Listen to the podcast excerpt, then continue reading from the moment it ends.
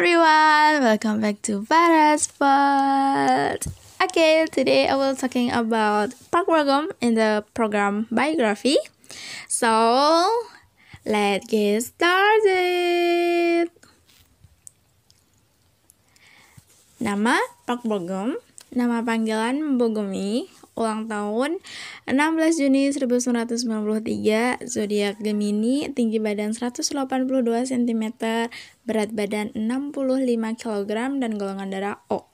Instagramnya Pak Bogo nggak punya Instagram, hanya Instagram agensinya yaitu Blossom Entertainment dan Twitter Bogomi, double M. And after that, talking about Pak Pogum, Pak Pogum merupakan bungsu dari tiga bersaudara, memiliki kakak perempuan dan kakak laki-laki. Nama Pak Pogum itu diartikan sebagai pedang yang berharga dan ternyata nama itu adalah rekomendasi dari pastor gereja yang keluarganya sering datangi. Dan pada tak pada kelas 6 sorry 4 SD, ibunya meninggal dunia dan dirawat oleh ayah dan kedua kakaknya. Sejak umur 5 tahun, dia sudah belajar bermain piano dan Bogomi merupakan pianis dan anggota paduan suara di gerejanya. Saat SMA, ia bercita-cita menjadi penyanyi dan penulis lagu, namun akhirnya dia menjadi aktor. Dia juga dikenal sebagai Ozang atau orang dengan kecantikan atau ketampanan yang di atas rata-rata gitu di sekolahnya. Setelah lulus dari SMA-nya, dia melanjutkan kuliah di Myeongji University mengambil jurusan musical theater dan pada tahun 2018 tepatnya 21 Februari dia lulus dari universitas tersebut. Nah, pada tahun 2015 ia mewakili program pertukaran budaya di universitasnya dengan berkesempatan untuk pergi ke Inggris, Prancis, Italia, dan Swiss. Pada tahun 2011, ia bergabung dengan agensi Sidus XQ dan mau mengawali karirnya tampil di film Blind tahun 2011 ya, sebagai pemain pendukung. Pada awal karirnya, Park Bo banyak banget utangnya karena ayahnya menjadikan dia sebagai jaminan atas hutang-hutangnya.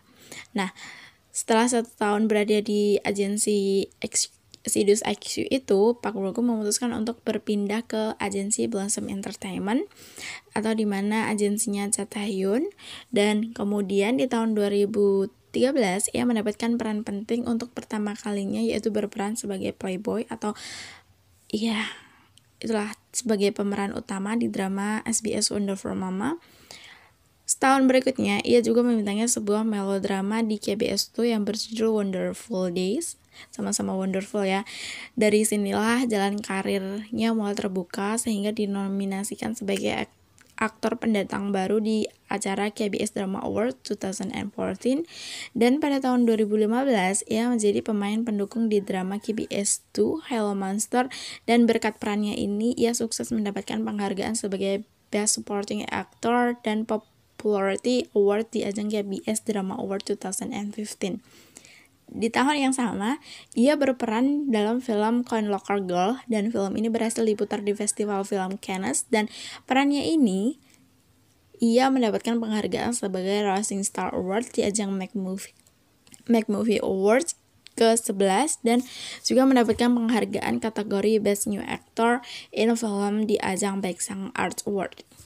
Karirnya semakin maju dan bersinar setelah ia membintangi drama TVN Replay 1988 pada tahun 2015 dengan memerankan karakter Choi Taek sebagai pemain baduk profesional yang sangat serius saat bermain baduk, namun ia juga sangat polos dan lugu ketika berhadapan dengan keluarga dan teman-temannya. Berkat aktingnya di sini, ia mendapatkan julukan sebagai National Little Brother karena polos banget itu tadi dan drama ini mendapatkan rating yang sangat tinggi dan menjadikan drama TV kabel dengan rating tertinggi untuk pertama kalinya. Berkat kesuksesannya tersebut, setelah drama ini selesai, semua kru pemain drama Replay 1988 mendapatkan hadiah liburan ke Phuket, Thailand. Dan setelah itu Park Bo Gum dan pemuda Sang Myung Dong yaitu Ah Jae Hong atau Jung Bong dan Ru Jun Yeol Junpal dan juga Kong Yupyo atau Sunwoo menjadi anggota variety Yacht Over Flowers episode Afrika. Di sini mereka melakukan perjalanan ke Afrika dan melakukan kegiatan seru lain, lainnya. Park Bo Gum berteman dekat dengan VBTS dan Sejonggi dan pada tahun 2016 ia menjadi pemain utama di drama KBS 2 Love in the Moonlight. Di drama ini Park Bo Gum menyanyikan salah satu soundtrack dengan judul My Person. Lagu ini diterima baik oleh para penonton dan membuktikan bahwa Park Bo Gum juga sangat berbakat di bidang tarik suara. Pada tahun tanggal 13 Januari 2017, Park Bo Gum melakukan fan meeting di Jakarta yang bertajuk Oh Happy Day. Di sini ia berinteraksi dengan para fans dan menyanyikan lagu Indonesia. Dan para fans pun berkesempatan untuk berjabat tangan dengan Pak Logom. Setelah hiatus selama 2 tahun di dunia drama pada tahun 2018, Park Bogum kembali membintangi drama Encounter bersama Song Hye Kyo. Dan pada tanggal 23 Maret 2009, Park Bogum kembali menggelar fan meetingnya di Jakarta dengan tajuk Good Day. Pak Bogum juga pernah menjadi MC Music Bank bersama Irene Red Velvet. Dia merupakan pekerja part-time di Yori Homestay atau Yori Bed and Breakfast 2 bersama dengan SNSD Yuna.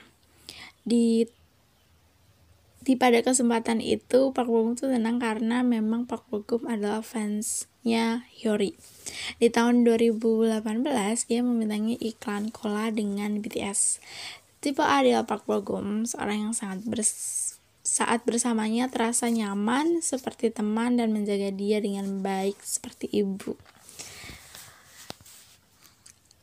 Beberapa film yang dibintangi oleh Park Bogum adalah Sobek.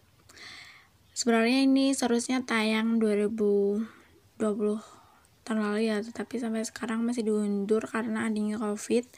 Jadi dapat kabar kalau akan tayang sekitar bulan April 2021 Kind Locker Go tahun 2015 Roaring Currents 2014 A Hard Day tahun 2014 Runway Cop 2012 Blind tahun 2011 ada beberapa serial drama juga yaitu The Moment, Itaewon Class, Encounter, Love in the Moonlight, Replay 1988, The Producers, Hello Monster, Nels Can Oil, Wonderful Deals, Wonderful Mama, Bridal Marks, Hero. Beberapa penghargaan yang didapatkan oleh Park Bo Gum adalah Baeksang Art Award tahun 2017 sebagai Most Popular Actor dan juga Best Actor Netizen Award and Best Couple Award di tahun 2016 dalam acara KBS Drama Awards untuk drama Love in the Moonlight.